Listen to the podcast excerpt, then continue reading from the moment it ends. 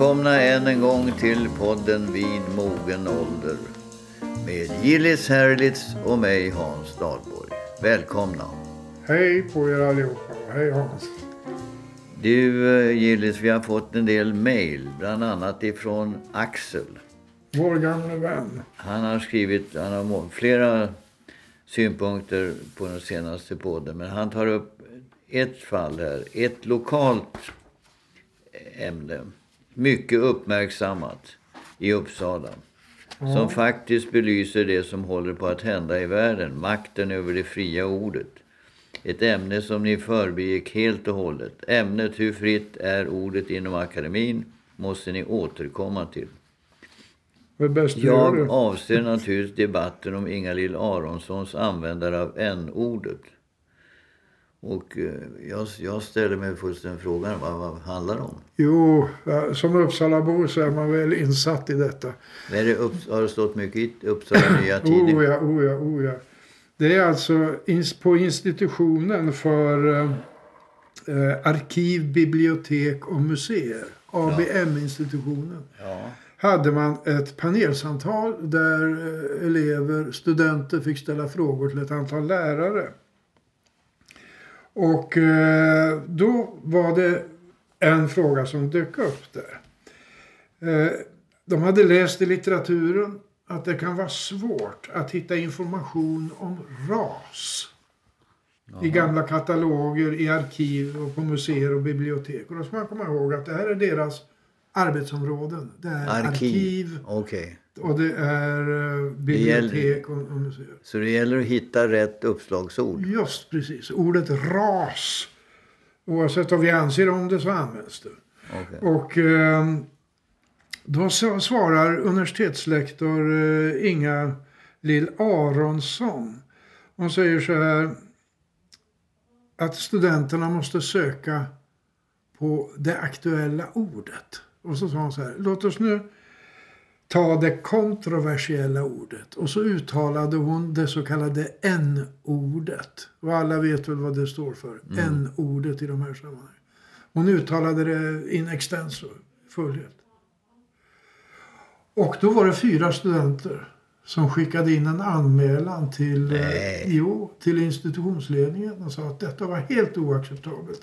Därför att hon, Inga-Lill Aronsson, är varken svart eller som det heter rasifierad. Och, eh, så hon har ingen rätt att använda ordet. Och institutionsstyrelsen kallar till sig, eh, har ett sammanträde, kallar till sig Inga-Lill Aronsson och finner att hon har uppträtt, jag tror att de kom fram till att hon hade uppträtt klandervärt. De ansåg att man inte behövde använda ordet. Och det här är väl alltså ett sånt här hur, sen dess har det varit en del debatter och diskussioner eh, bland eh, akademiker i eh, Uppsala. Och det är ju inom många ämnen där man säger, men hur ska vi kunna undervisa om gångna tider om vi inte får använda orden? Ja, man, man ja. får bara säga, inte säga ta hela ordet, n-ordet. Man, får in, man måste säga same, man måste säga rom och så vidare och så vidare. Mm. Och eh, alltså, för det är inte de orden som används i arkiv och, och i gammal vetenskaplig litteratur. Men om man söker efter en frågeställning och vet att det står under ett visst eh, ord så måste man söka på det ordet annars kommer man aldrig Man fram. kommer aldrig fram. Nej. Det, detta är så ovetenskapligt och det är så antiintellektuell reaktion från institutionsstyrelsens sida, tycker jag. Som alltså inte ställer sig bakom sin lärare ens i de här ämnena. Men till all lycka, vilket var en nyhet som kom häromdagen, så har universitetsledningen sammanträtt om de här frågorna med rektor och vice rektor. och så. Och de finner inget klandervärt i Inga-Lill Aronssons eh, ordval. Ja, det var... Så att eh, det här är, eh, ja det är, apropå det fria ordet, det är väl det som Axel avser här. Ja, det. Det finns en total överkänslighet och eh, eh, det skapar rädsla. Det är olyckligt. Han hade mera på sin lyra, Axel. Han tog upp den här frågan om Polanskis eh, film. Ah, just det, vi hade ju det uppe i förra podden. Där vi, där vi nämnde att, eh, att det har kommit en reaktion emot att Polanski ska få pris. Trots att eh, han enligt mångas uppfattning är en klandervärd person och en svinpäls. Ja. Och att han är... Är han dömd? Nej, han är dömd för... eh, För samlag med se- minderårig. Samlag med minderårig, just det. Och att han lämnade USA och flydde till, till Paris, eller Ja, Frankrike i alla ja. fall. För att inte bli straffad. Ja, just precis. Och, och nu så har Och Hanke vet vi det behöver vi Ja, inte upprepa. Hanke, Hanke fick ju Nobelpriset trots en, sin mycket uh, klandervärda eller diskutabla position i Balkankriget. Just precis. Han eh, sökte upp Milosevic och så. Mm. Det finns mycket att säga om. Men då är den moraliska frågan. Ska, ska Hanke få Nobelpris? Ska Polanski bli belönad för filmen som uppenbarligen har väldigt höga kvaliteter? Och den grundläggande frågan är då, kan man isolera produkten, filmen, boken, böckerna från upphovsmannen? Ja, är det boken som får priset eller är det personen Ja. som hedras? Ja, Och det är naturligtvis personen i Hankes fall som Ja. hedras. därför att där handlar det om en person. Det är ju bara Hanke som har skrivit Just det, och man kan... Så om jag kommer ihåg vår disk- diskussion så kan man inte riktigt eh, mäta och tävla i litteratur som Det- man kan nej, i nej. idrott. Nej, Och därför så hade väl eh, Svenska Akademin haft all möjlighet att välja en lika god författare men med mindre kontroversiellt eh, position. ja. När det gäller Polanski och Polanskis film så är det ju, det är ju inte bara regissören och Nej. producenten Nej. utan det är skådespelare, det är fotografer, det är mus, de som skriver musiken som, Mm. som, kommer i, som skulle då inte få pris. Om det nu är en väldigt bra film. Kan man tänka sig då att man kan säga att eh, det är okej med pris till fotograf och skripta och musiker, originalmusik eller vad det nu är man får pris för. Men inte till Polanski. Ja, det är ju en markering av att, Ja, man, det- att, att det inte är okej att göra som Det är en väg att gå i alla fall. I hans fall är det också så att man, man har fastställt brott men inte, han har inte sonat det genom att eh, Nej, bli straffad. Och då nej. befinner han sig i ett, eh, ja, ett speciellt skede. Tycker. Finns det inget utlämningsavtal mellan USA och eh, om det nu Ja, alltså, frågan var ju, det var, han hamnade också i Schweiz ett tag kommer jag ihåg. Jaha. Och, och då flyttades han. Och, eh, alltså, feministrörelserna tycker att det är förskräckligt att han har skyddats så oerhört. Det kan väl andra tycka också. Ja. Men alltså det finns eh, någonting med det här tycker jag som är lite problematiskt. Det är ingen lätt fråga det här Hans. Nej. Eh, Och vi kommer inte att ha något uttömmande svar. Och har ni synpunkter på det här, vilket vi hoppas att ni har, så mejla oss. Gör det gärna. Vi fortsätter gärna den här diskussionen. Men jag menar, ska man döma en person, eller ska, ska en person som målar en tavla inte kunna få ett pris eller skriver en bra bok inte kunna få ett pris därför att de har skattesmitit eller, eller var drar man gränsen för det här? Nu tycker jag att i det här fallet är det ganska uppenbart ändå. Både när det gäller Hanke och när det gäller Roman Polanski. Därför att nu finns det, deras agerande har lett till att det finns ännu levande offer. Den här 13-åriga flickan som hon var vid det här övergreppet från Roman Polanski. Och plus om man tänker sig sen alla icke-serber i Balkankrisen. Det vill säga det finns offer. Och att då tilldela de här pris, det tycker jag kan uppfattas Okänsligt. Okä- nästan som en förolämpning mot offren. Så i sådana fall tycker jag man ska avstå. Om det sen handlar om skattebrott eller parkeringsböter så drabbar ju inte det en enskild på samma sätt. Och där kanske man kan förhålla sig. Alltså det är ett intellektuellt gungfly naturligtvis. Ja, alla som hör det här och har synpunkter är ju Ja. välkomna att mejla oss och eh, komma med sin uppfattning i den här mycket svåra frågan. Ja, verkligen. Ni, ni kan väl mejladressen vid det här laget? Vid mogen alder snabela gmail.com Och ni kan också gå in på Instagram och Facebook och kommentera. Det, det är kul. You make up your mind. You choose the chance you take. You ride to where the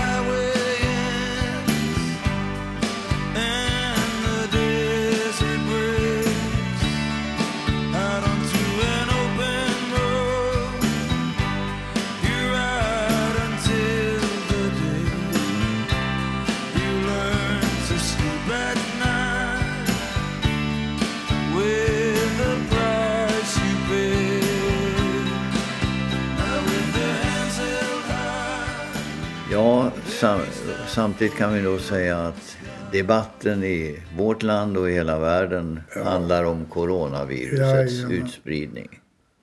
Och det vidtas eh, mängd olika åtgärder i vårt lilla land.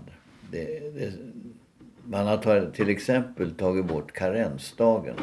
Det var något som jag förordade väldigt tidigt. För att Alltså, ja, det var klokt tycker jag också. Mm. det var, jag tycker, därför att det viktiga är ju att de som är sjuka stannar hemma och inte sprider smittan. Ja, Så att, eh, och nu har man också tagit bort eh, krav på läkarintyg tror jag. just det. De första två veckorna. Tror jag mig ha läst. Sen, sen så har våra grannländer, jag tror Norge och Danmark, Mm. beslutat att stänga skolorna. Ja, Det gör man inte i Sverige och inte tror jag heller i Finland. nej. Och jag, tycker, jag, Inte i Storbritannien heller. jag stöder den tanken därför att Vilken? Den svenska eller den norska? den svenska. Den det gör jag också. Alltså, Kan vi inte ha olika uppfattningar? Det finns eh, en miljon barn mellan 0 till 10 år i Sverige. Jaså? Och de ska ha tillsyn så då måste åtminstone en person vara hemma per Ja. barn och då blir det kanske en miljon till vuxna som är hemma fast de kunde vara på jobbet. Och eh, det är inte alls säkert att det minskar spridningen. Så att, Vi, eh, vi, vi är bäst vi säger Hans, eftersom det sker saker så väldigt snabbt. Säga att Det den, är- här, den här podden gör vi alltså eh, i den 14 ja, mars. Så en del kan ha hänt. Sen har man då flyttat fokus till äldre riskutsatta. De som kan verkligen riskera att få bli väldigt sjuka. Och det är väl en väldigt klok åtgärd. Sen eh, förbjuder man samlingar av folk mer än 500 personer. Ja, Det, det, jag det är rätt mycket folk. Ja, det, jag är mera fundersam med det. Men det man uppenbarligen är ute efter det är då flacka ut kurvan så att sprid, smittspridningen sker långsamt. Ja, man, prat, när man lyssnar på experterna så säger ja 30-40 procent minst kommer att få Ja, ja, 60 säger ja, coronaviruset. Men då vill man ha en, en flackare kurva och- det är skälet är att man har inte resurser på, i sjukvården för Ja, en mycket dramatisk anstormning. ja. Och då flackar man ut kurvan så att det, det finns en logik bakom detta Det är också. intressant Hans, om vi säger i Sverige 500 personer. I Ryssland så förbjuder man möten på över 5000 personer. Ja, Det är alltså, lite annat. Ja, jag var nere på Ersta diakoni för någon dag sedan. Och vi satt med en meters avstånd mellan varandra Förstås. Ja, i ett litet möte. ja. Men nere på kajen så stod det 5-6 tusen människor och tittade på när man kom in, in med den här guldbryggan ifrån nej, Kina. Nej, nej. Så att eh, Oj, oj, oj. det finns brister i logiken Ja, när man hanterar det här. det.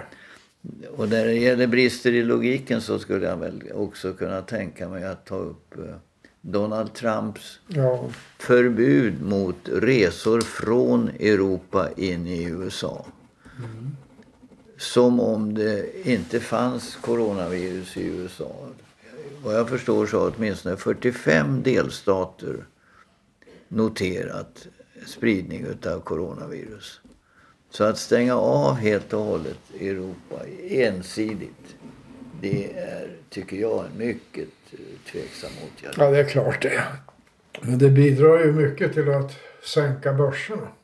Varför gör han nu detta? Jo, han vill peka finger åt någon annan. Just precis. Det är någon annan som är skyldig till det här.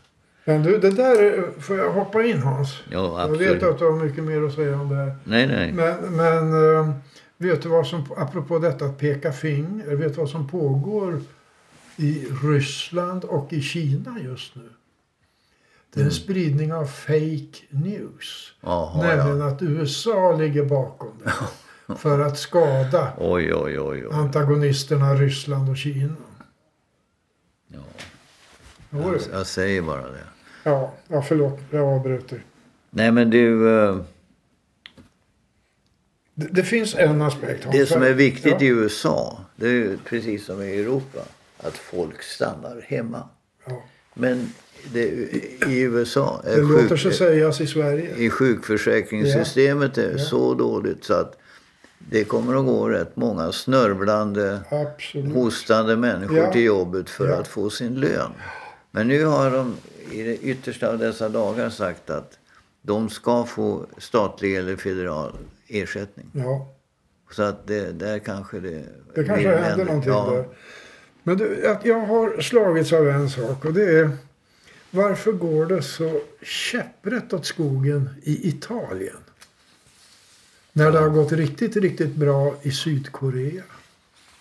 Sydkorea har betydligt lägre dödstal i coronarelaterad ohälsa än Italien. Men det kan väl bero på att i vissa delar av Italien kanske äldre människor har sämre hälsa än, än vad genomsnittet för motsvarande åldrar i något annat land. Jag vet inte. Nej, jag vet inte Nej, alls. jag Jag ingen, ingen- de kanske ingen- röker mycket. Jag Jag ingen, det... jag har inget svar. Nej, men det är intressant. Sydkorea har ju varit ett mönsterland i de här frågorna. Så vitt jag kan förstå. De har inte stängt några skolor eller något sånt där, men de har ju fått bukt med det här. För ögonblicket. Sen kan det komma på nytt. Men det har ju lett till att stora, stora delar av näringslivet har fått stora problem. Framförallt besöksnäringen. Ja, Ingen flyger. Inga konferenser. Nej, de är för, till, till och med förbjudna. Hotellen, ingen beläggning. Och då går man ju ut med storsläggan, vilket jag tycker är helt rätt, ifrån Riksbanken och säger ja, här får man ta en, ska vi kalla dem nödlån för att överleva. ja. Och, eh, men då måste så småningom öppna på möjligheten att folk kan bo på hotell igen. ja. 500 miljarder Just det. gav man till bankerna. Ja, det Kommer bankerna att använda det här på ett Jag såg Ingves var lite skeptisk. Han sa ja, man kan väl säga det är inte riktigt läge för stora utdelningar till aktieägarna. Självklart. Men alltså det är väl på det sättet att, eh, att eh, lånen ska väl betalas tillbaka. De är ju gratis ifrån Ja, Riksbanken. det. vilket innebär att bankerna inte behöver ta någon större eh, slant för att låna ut pengar. Nej. Men lånen må, måste betalas tillbaka vilket leder till att det är inte meningen att, tror jag, att inte ens Ingves tanke att man ska låna ut till företag som är riktigt usla för att de ska Nej, överleva. nej, utan nej. De ska, det är det är till livskraftiga företag Ja, som har fått ett bekymmer och som behöver en, precis. en bro över in till Ja, ett alltså mer- ett bekymmer som man bedömer som ställe. temporärt. Just det.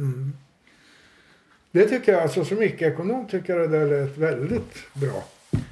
Sen Vad säger man, du? Ja, det var likadant Finansinspektionen som säger att nu lättar vi på kravet på buffertar. Alltså, vilket innebär att om, om kapitalkravet sjunker så finns det större utrymme för utlåning från bankerna till, till kunderna. Men det, det här tycker jag också ger anledning till... Man funderar, filosoferar över begreppet människoliv. Ja, Alltså det är enorma resurser vi nu sätter in för att rädda människoliv.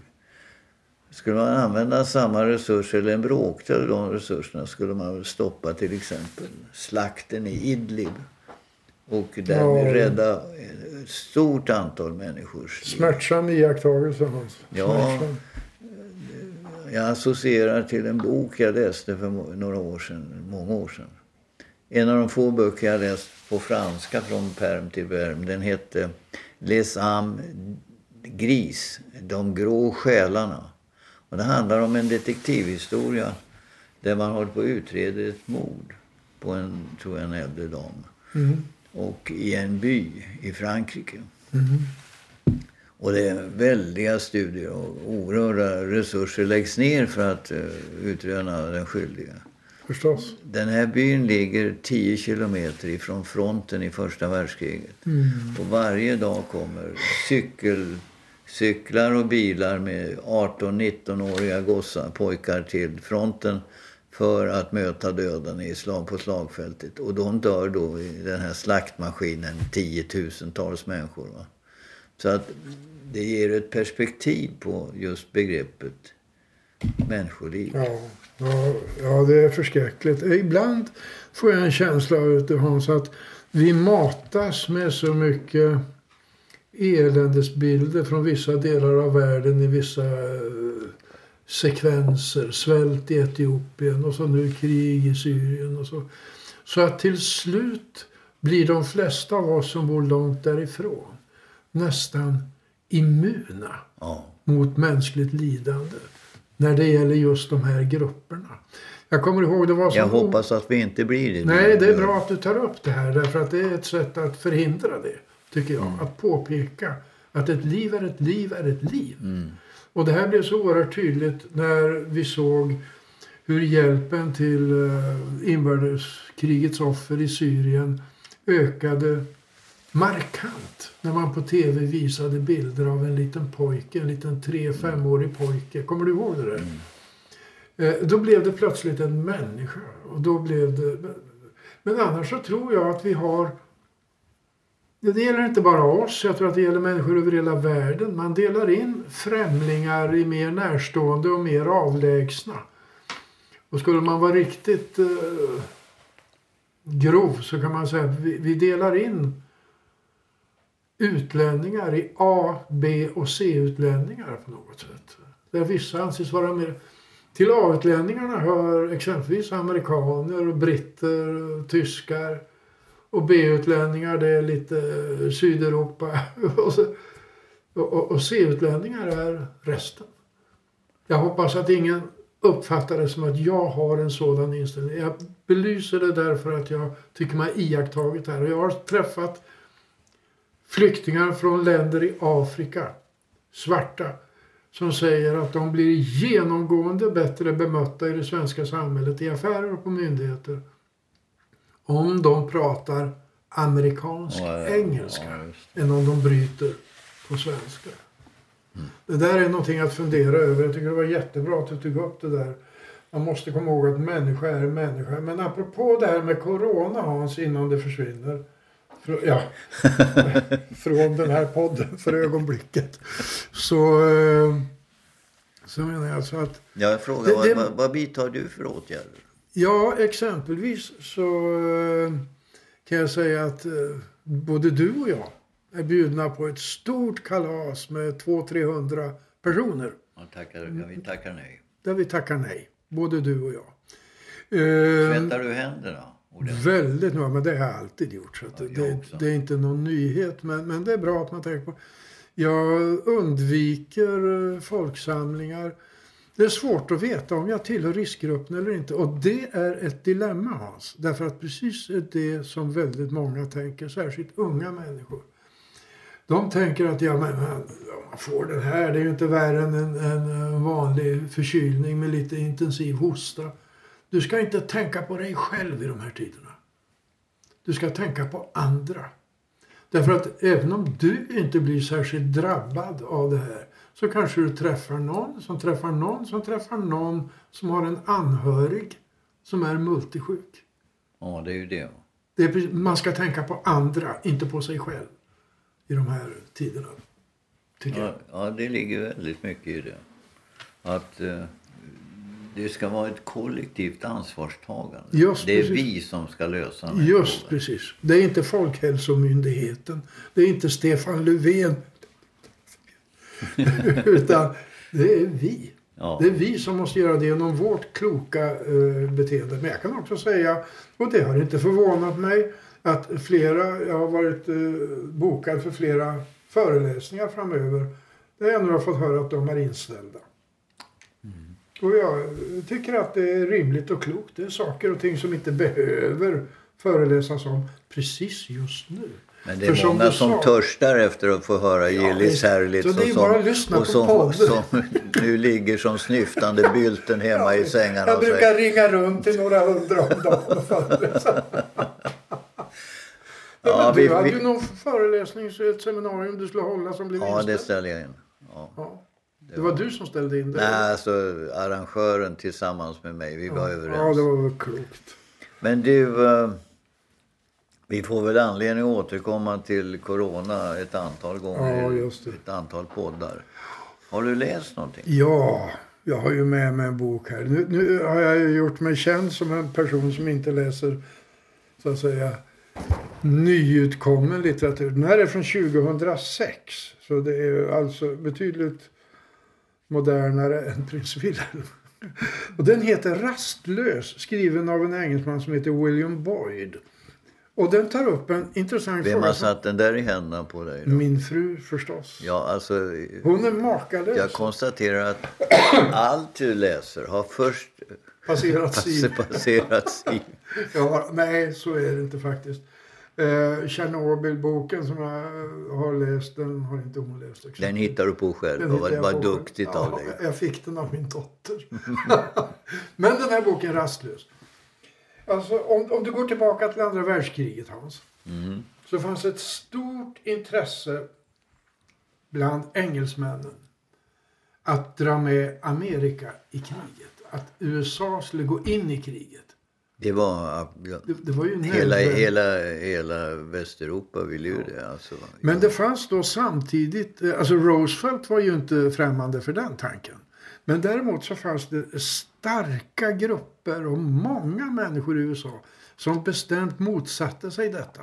De sa låt Europa sköta sitt. Ja, de hade ju varit med och lidit i första världskriget. Jajamän. Och, eh, så det ville de inte.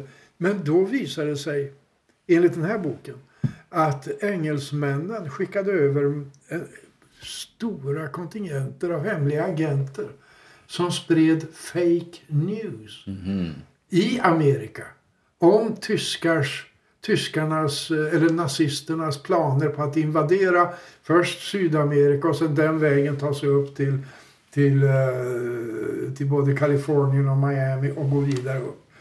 För att vinna över opinion. Och det är ju fullkomligt trovärdigt.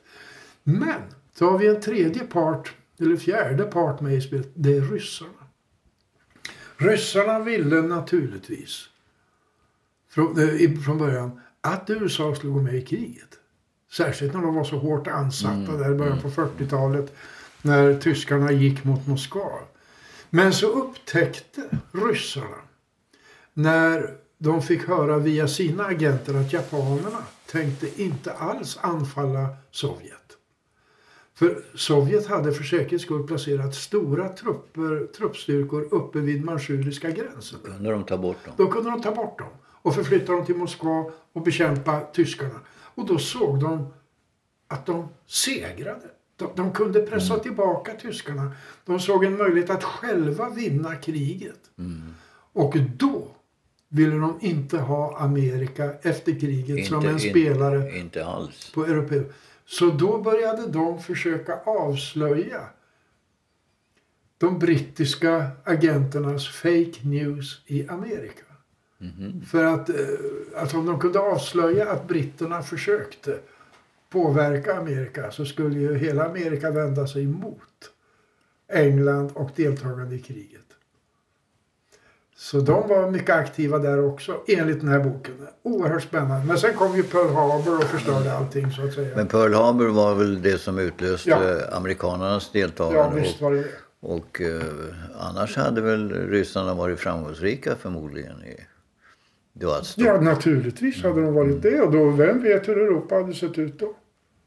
Ja, men så det, det är en väldigt intressant bok. Den heter Rastlös. Ja, Vem är rastlös? Ja du. Är det en Det, huvud... det fram, alltså jag tycker inte att ehm, titeln riktigt berättar om boken. Jag hade kunnat tä- tänkt mig, tänka mig någon annan eh, titel på den. Men bra. Väldigt bra bok. Utmärkt. Ska vi med de orden tacka för oss och säga... Ja, men jag måste få avsluta med Ja, men- citat Hans. Ja, men... Jag har börjat skriva ner citat. Jag har några som jag tycker är så... Vi avslutar det här med lite citat Ja. som, som eh, har fått gillis på gott. Ja, två stycken. Och den här gången är båda av Mark Twain. Det brukar ju vara Orson Welles, eller Oscar Wilde annars som citeras. Men nu är det Mark Twain. Han säger så här. Rätten till dumhet skyddas i lag. Den ingår i de mänskliga rättigheterna.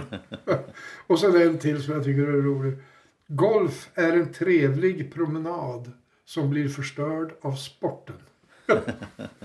Och med de orden så tackar vi för oss den här gången. Men vi är tillbaka om 14 dagar igen. Tack ska ni ha. Tack, tack. Det är så roligt för oss att ha kontakt med er. Och det kan ni göra eh, via mail vid mogenalder gmail.com. Men ni kan också följa oss på Facebook och Instagram. Och eh, är ni riktigt drivna så kan ni både betygsätta och recensera den här podden på iTunes.